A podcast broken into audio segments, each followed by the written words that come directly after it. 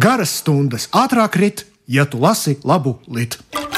Cienījamie lasītāji, Etīdes par literatūru sarunas ar tulkotājiem, lasījumi un analīze. kopā ar dzinieku Tomu Trēbergu un vēl ar Rakstnieku Svenu Kusminu trešdienās ā, 15.35. ā, LR1. Labdien, cienījamie lasītāji! Sveiki! Un sveiks, Sven!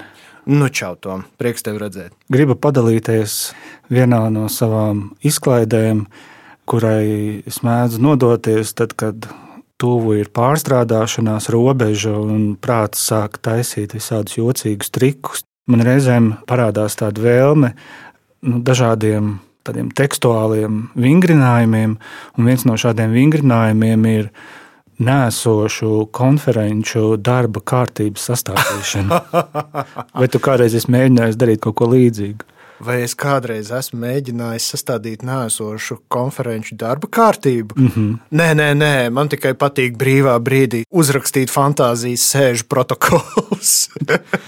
Man liekas, ka teiksim, tāda to zinātnisko konferenču darba kārtība ar visiem tiem pētījumu nosaukumiem, tas arī būtībā tāds vesels literatūras žanrs, jo tur parādās nu, šī katra pētnieka tāds raksturs, viņa mm, apņēmība.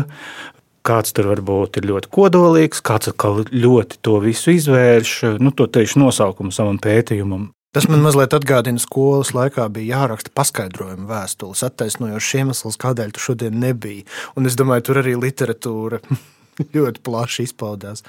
Nu, lūk, un uh, es atcerējos šo savu mazo kaitēšanos uh, tā iemesla dēļ, ka grāmatā, par kuru mēs šodien runāsim, es izlasīju tādu ļoti interesantu pētījumu nosaukumu, proti, metāla pūšamo instrumentu ietekme uz suņu garstāvokli, ieskats un perspektīvas.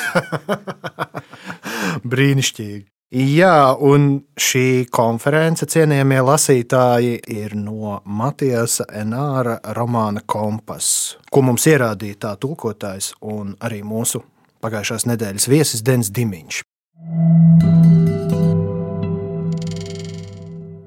Šī ir viena no tām grāmatām, kas kaut kādā ziņā pievēršas akadēmiskajai pasaulē. Un es kādu laiku jau biju domājis par to tēmu, kā tad vispār akadēmisko pasauli var tā adekvāti parādīt literatūrā. Jo tas daudzkārt ir mēģināts. Ļoti daudz kur parādās šī akadēmiskās vides.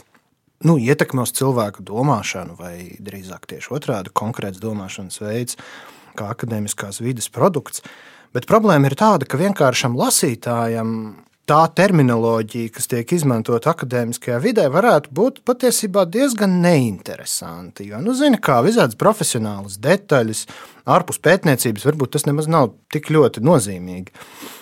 Tā ir grāmata, kas ir ļoti lielā mērā saistīta gan ar mūzikas studijām, gan ar austrumu kultūru, Orientālistiku. ori, orientālistiku, austrumu kultūru pētniecību. Tātad, un vēsturi un civilizāciju noformēšanos īstenībā arī. Jā, ļoti lielā mērā. Un tas viss ir tāds ļoti garš iekšējais monologs uz gandrīz 400 lapusēm. Un tas, ko es pateicu, nu pat nav laba reklāma nevienai grāmatai. Bet šī akadēmiskā domāšana šajā grāmatā kaut kādā zināmā mērā Šī ir viena no pirmajām reizēm, kad es nebūdams ne muzikologs, ne orientālists, pēkšņi sajūtos kā muzikologs un orientālists. Tāda ļoti īpatnēja lieta. Es pēkšņi izlasīju šo grāmatu, jutos tā, it kā man būtu divi jauni diplomi, nevis viens. Interesanti ir arī tas, ka autors Matijas Senārs ir dzimis 1972. gadā, tātad gados salīdzinoši, nu, vai arī drīzāk jāsaka, pietiekami jauns autors. Taču viņa izteiksme un tie vērtējumi, kurus viņš romāna gaitā piedāvā, nu, liecina par daudz vecāka cilvēka pasaules redzējumu, arī tādu, es ne, nevaru šeit izmantot apzīmējumu nobriedušāku cilvēku, jo briedums nes līdzi arī, manuprāt, vismaz šajā kontekstā nes līdzi pārliecību par savām izvēlēm, par savām spējām. Taču romāna galvenais varonis, muzikologs Francis Riters, bieži vien apstiprina dažādus šaubu motīvus, arī skumjas un bailes, kurām nenoliedzami ir pamats. Jā, man šķiet ļoti interesanti tā virāža, ka mēs par autoru vecumu zinām vienu patiesību, taču romānā mūs uzrunā jau nu jā, cilvēks, kurš ir jau, jau citā kategorijā, no tāda chronoloģiskā skatu punkta raugoties. Viņš romānā ir it kā cilvēks, kurš ir tuvu nāvei. Vispār mēs varam vienā ļoti īsā teikumā pārstāstīt visu romānu darbības plānu. Mūzikologs Francis ir slims un nevar aizmigt un kavējas savā domās. Atmiņ, un, atmiņās. un atmiņās. Un tālāk romāna darbība risinās šajās domās un atmiņās. Un man ļoti patīk īstenībā šis tādēļ, ka nu, tad, kad tu saslimsti, tā jau ļoti bieži arī ir. Tu nezini, kas tev ir. Un varbūt tas ir patiesībā pilnīgākais strūns, bet tajos brīžos, kad uh, tu esi šī lielā nezināmā priekšā, ej, nu sazini, varbūt tās nav vienkārši iesnas, varbūt es tagad esmu nāvinieks, kuram jāveic dzīves inventarizācija. Patiesībā nu, ir taču reizēm šie stāvokļi, vai ne? Jā, tas man atgādināja brāļa Koena filmu Nopietns cilvēks, jeb Serious Man, kur galvenais varonis arī ir būtībā filmas viens no caurvīju motīviem bija tas, ka viņš gaida rezultātus analīzēm no sava ārsta. Tas ir Hitchcock izmantotais suspens, kurš arī ir Enāra romānā klātesošs. Tie ir tādi divi starpstāvokļi, kuros risinās vispār šis romāns. Viens ir starpstāvoklis starp zināšanu un nezināšanu, vai tu vispār esi dzīvotājs, un otrs ir starp miegu un nomodu. Arī ne šis, ne tas.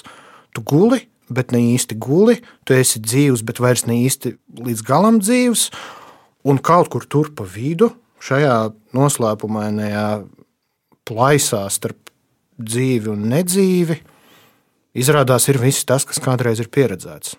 Caur vēl vienu filtru.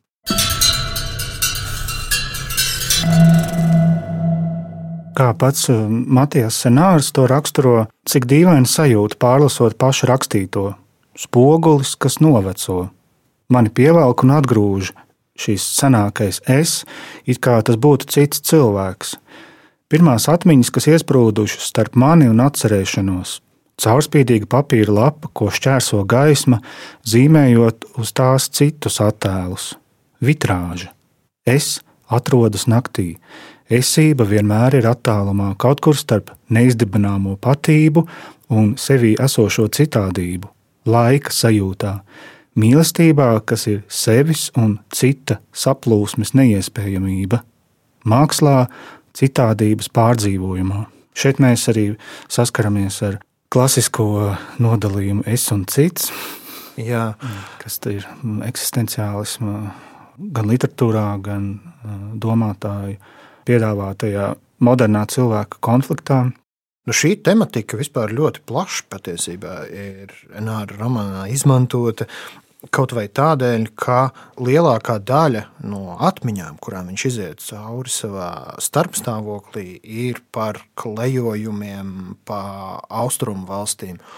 Un šis nodalījums starp mūsu puslodi un svešo puslodi, un man pazīstamajiem cilvēkiem un man nepazīstamajiem cilvēkiem. Tur nepārtraukti ir sadursme starp pašu autoru un kaut ko.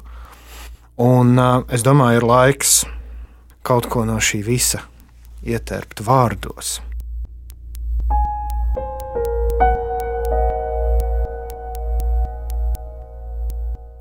Tieši pateicoties Fožjē, es izkūpināju savu pirmo opiju pīpi, šo kaislību un prasmi viņš bija atvedis no pirmās uzturēšanās Irānā. Smēķēt opiju Stambulā man likās kā atgriezties citā laikmetā, nodoties kaut kādai orientālistu kaprīzei, un tieši tāpēc es, kurš nekad nebija pat pieskāries nevienai neatļautai vielai, nebiju nodevies nevienam netikumam, ļāvos opijam ļoti aizkustināts un pat nobijies, bet ar tādām bailēm no baudas, kādas bērni jūt aizliegtā priekšā. Tās nebija pieaugušā bailes no nāves. Mūsu iztēlē opijas tik ļoti saistās ar tālajiem austrumiem, ar litogrāfijām, kurās redzami pīpētavās zvilnoši ķīnieši, ka mēs gandrīz aizmirstam, ka opijas nāk tieši no Turcijas un Indijas, ka tas kūpināts no Tēbām līdz Teherānai, neaizmirstot Damasku, kas man palīdzēja tikt vaļā no bažām. Smēķēt opijas Stambulā vai Teherānā nozīmēja nedaudz atrast šīs vietas garu, piedalīties mazpazīstamā tradīcijā, izvilkt gaismā vietējo realitāti, ko ir izspiedušas koloniālās klišejas. Opijas vēl ir tradicionāls Irānā, kur ir tūkstošiem terijaki, opiumānu. Tur redzami izkāmējuši onkuļi, kas uzbudinājumā vicina rokas kā jukuši, līdz uzvelk pirmo pīpi vai izšķīdina tajā nedaudz no iepriekšējā vakara dedzinātā opija atlikuma, un atkal kļūst mīlīgi un prātīgi, ietinas biezos apmetņos un sildās pie ogļu pannas.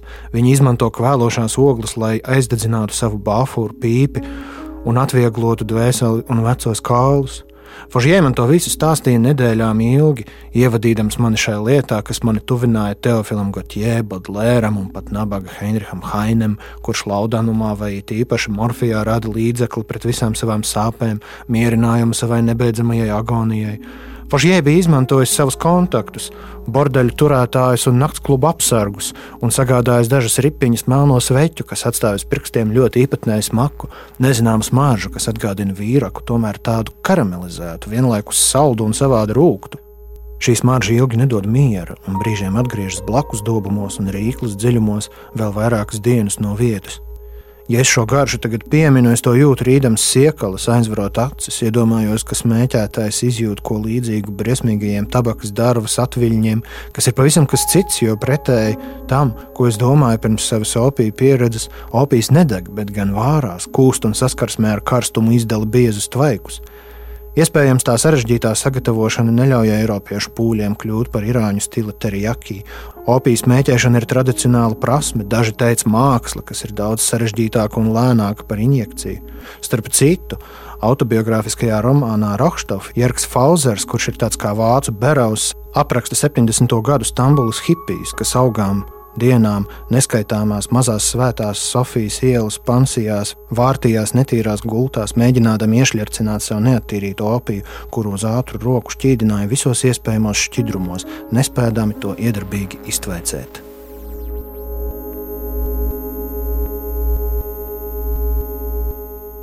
Cienījamie lasītāji, nemēģiniet to atkārtot mājās. Vārds vietā. Šodien mēs pārlasām Matijas Senāra romānu Kompass, kur tulkojas Dens Dimiņš un kurš ir iznācis Jāņa Rozes apgādā.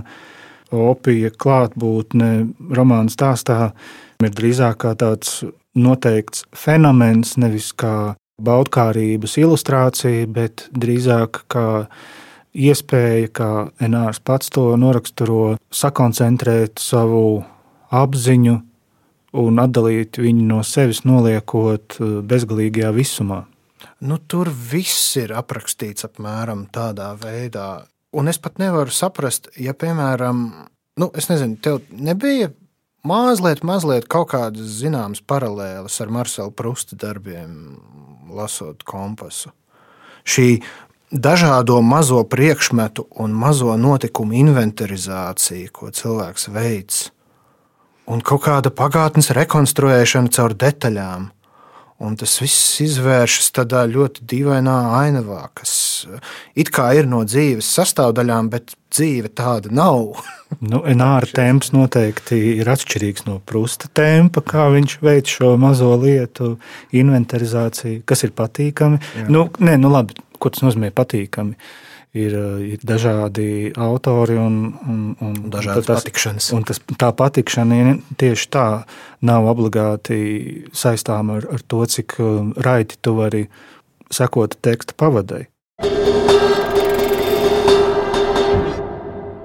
Jā, manuprāt, šis um, biskvīta kārtojums, kuru Matijas Senārs mums piedāvā, kā mēs tātad uzsvērām raidījuma sākumā, ir viņa slimība, viņa vienpatība, tad eh, ļoti svarīgā persona, šarmantā vēstures pētniece Sāra, ar kuru nu, šeit realizējas tā autora pieminētā mīlestība, kas ir sevis un citas aplūsmes neiespējamība, vismaz kā tas iezīmējas um, romāna pirmajās daļās.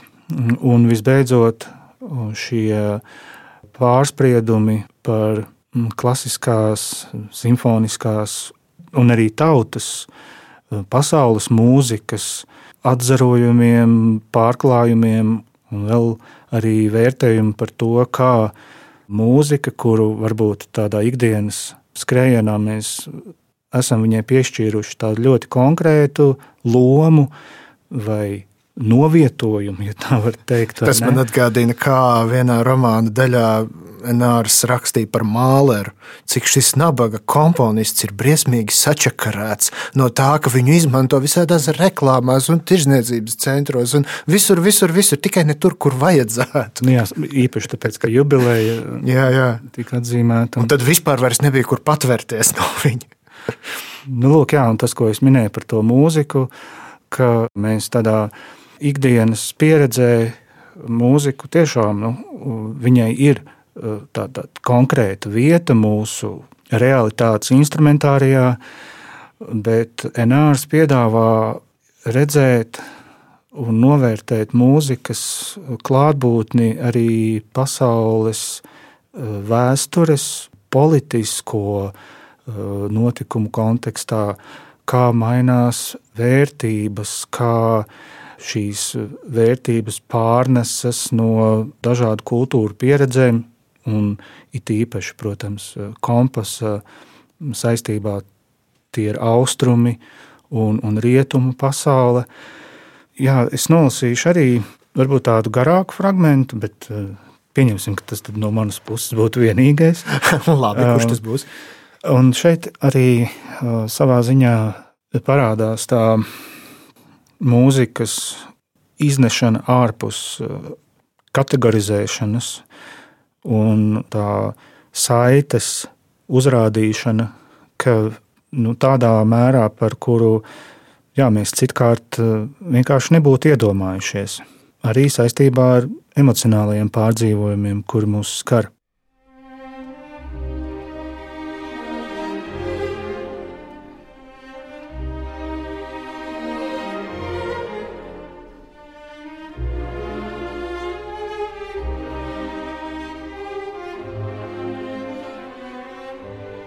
Bet tagad, plati atvēris acis, es raidu nopūtas, man ir nedaudz paaugstināta temperatūra, man jāmēģina atkal aizmigt. Kājas ikros drabuļi, kā saka, es salstu un mokos ar karstumiem vienlaikus un aizmirst sāru. Jau sen neviens neskaita aitas.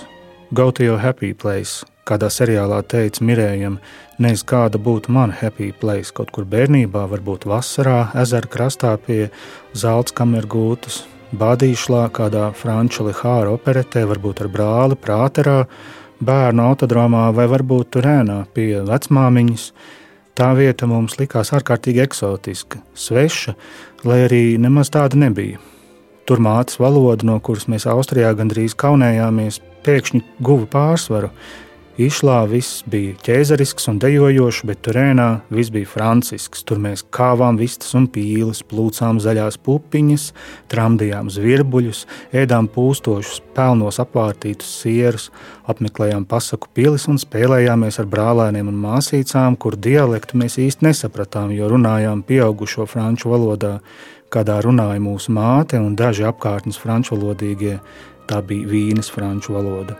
Es sevi atkal redzu kā dārzu karali ar nūju rokā, kā bāžas kapteini, kas brauc pa Loāru zem Aleksandra Dimā pilsētas mūriem un Saro uz divriteņu vīna kalnos ap Šinonu. Šīs bērnības teritorijas man izraisa liels sāpes, varbūt tāpēc, ka tās brutāli izzuda pirms zudīšu pats, kad mani uzveiks slimība un bailes. Šūpuļdziesma, mēģināsim pārskatīt to sarakstu, Brāms, kas izklausās kā lēta mūzikas lādīte, ko pirms miega no zila vai rozā plīša zvēriņa vēdera ir dzirdējuši visi Eiropas bērni. Brāms ir šūpuļdziesmu Volkswagens, masīvs un iedarbīgs. Nekas neiemidzina ātrāk par Brāmsu, šo nejauko bārdaino šūmaņu plaģiātoru, kas nepazina ne pārgalvību, ne neprātu. Sāra dievināja vienu no Brāmsa sekstetiem, laikam pirmo, cik atceros, opus 18, ar tādu, kā lai to saka, uzmācīgu tēmu Nu, dienas smieklīgi, bet patiesā Eiropas himna, kas skan no Atēnām līdz pat Rēķevīkai un ieejā mūsu gaišās galviņas, ir šī sasodītā brāmas šūpuļdziesma, nežēlīgi vienkārša, kāda ir arī iedarbīgākie zobenu cirtieni. Pirms viņa bija Šūmanis, Šopēns, Šuberts, Mocerts un kas tik vēl ne. Skati te varētu sanākt tīri labs raksts, šūpuļdziesmas kā žanra analīze, to iedarbība un ar tām saistītie aizspriedumi – Piemēram, varētu minēt apstākli, ka ir maz šūpuļdziesmu orķestrim, tās pēc definīcijas pieder kamermūzikai. Cik man zināms, neeksistē elektronisks šūpuļdziesmas vai šūpuļdziesmas preparētām klavierēm, bet tas vēl ir jāpārbauda. Vai spēju atcerēties kādu mūsdienu mūziku šūpuļdziesmu? Dedzīgais Igaunis Arvalpērts ir komponējis šūpuļdziesmas, šūpuļdziesmas koriem un stīgu ansambļiem, šūpuļdziesmas veselu klosteru iemidzināšanai, es uzrakstīju iznīcinošu kritiku par viņa skaņdarbu orķestrim Orienu Osidēnu. Itin labi var iztēloties guļam telpas, kurās pirms miega dzied mūciņi, bet bārdaini popi viņus diriģē.